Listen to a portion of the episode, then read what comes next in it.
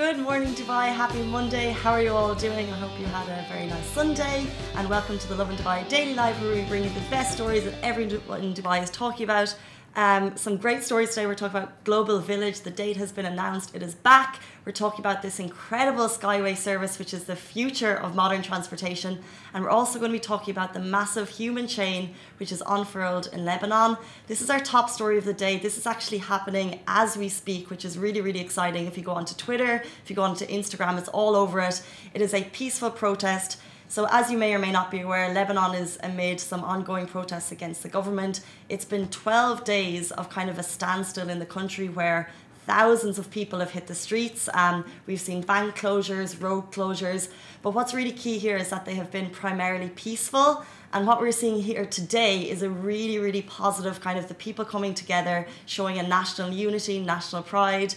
This isn't the first amazing video we've seen of the people coming together. We've actually seen like Dabka in the streets. There was um, one night a DJ came out, so Lebanon, as you can imagine. But it's all been, uh, yeah, like I said, primarily peaceful. And then today we've seen the, yeah, this is a drone video beside me. So it's 170 kilometers human chain.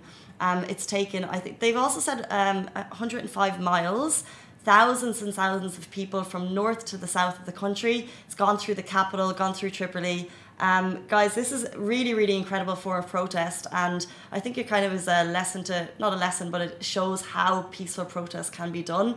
Um, I think they're still waiting for government resignations. Uh, the government are in talks, but nothing uh, concrete has come out. So until that happens, I think the people are there. On Twitter, there's a lot of kind of praise from other countries saying, wow, like the people, the residents here are really showing bravery to come out.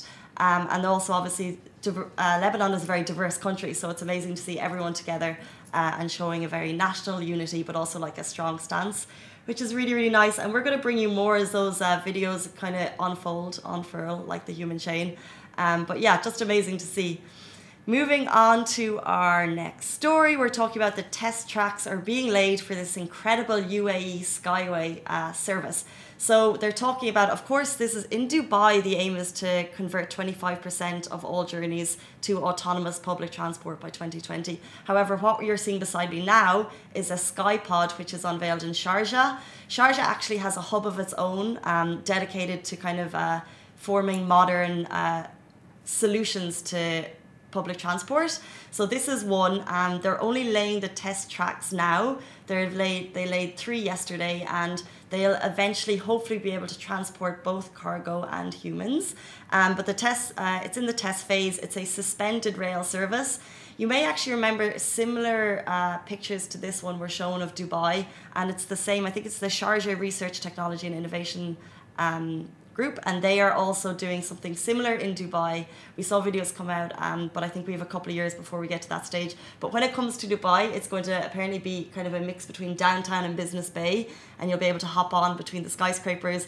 As futuristic, as incredible as that sounds, what's also amazing is that you will dodge traffic, they're sustainable, and they look really cool. They look very futuristic. So hopefully we'll see those um, kind of in motion and on a more kind of uh, real level soon. But like I said, this is the test phase. It's launching in Sharjah and it looks really, really cool, if I don't say so myself. Um, guys, what do you think of this? Do you think uh, they will, do you think this will eventually kind of trump uh, cars on the road? Can you imagine a time that that will happen? Um, I think this is Dubai, so I think anything could happen. So that's pretty amazing. And finally, on to our last story, guys. Global Village is coming. I'm so excited. It was announced. It's opening uh, Tuesday, 29th of October. If you haven't been to Global Village, I think there's like um, a mix between people. Either you you have been and you love it, or you haven't been and therefore you don't know how great it is. Because Global Village, there's a pavilion nearly to represent so many countries. There's an incredible foodie scene there. Um, I don't drive, so it's a little bit of a journey out. However, Global Village are this year partnering with Dubai Taxi Corporation to make your journey out there a little bit cheaper if you are taxiing. So shout out for that. Um, this year they're bringing Ripley's Believe It or Not, uh, which is I don't know if you know. There's the guys that will show you kind of incredible, unbelievable things, and you have to kind of figure out. Usually they are true, I think. And it's going to be here until April 4th, and I think for Dubai residents, you can kind of look outside and try and guess if winter has landed. But I think the real way to get to know that winter has landed is to judge by the Global Village season because it's this kind of massive outdoor. It's actually one of the world's largest outdoor entertainment facilities, and they only run it for kind of the seasonable weather. So the fact that it's starting tomorrow means officially the seasonable weather has landed and the seasonable weather will officially last until October 24th. So making your visits to get out there in the next couple of weeks, months, so exciting if you have visitors. It's also very, very affordable. I can't remember off the top of my head, but I think it's like a couple of dirhams, max 15 dirhams a ticket. Of course, this, this is Dubai, so you can get VIP packages if you want. But um, yeah, Global Village is coming. If you can tell, I'm a little bit excited. And yeah, there's our top stories, guys. Love to hear your thoughts on all of them and see you tomorrow.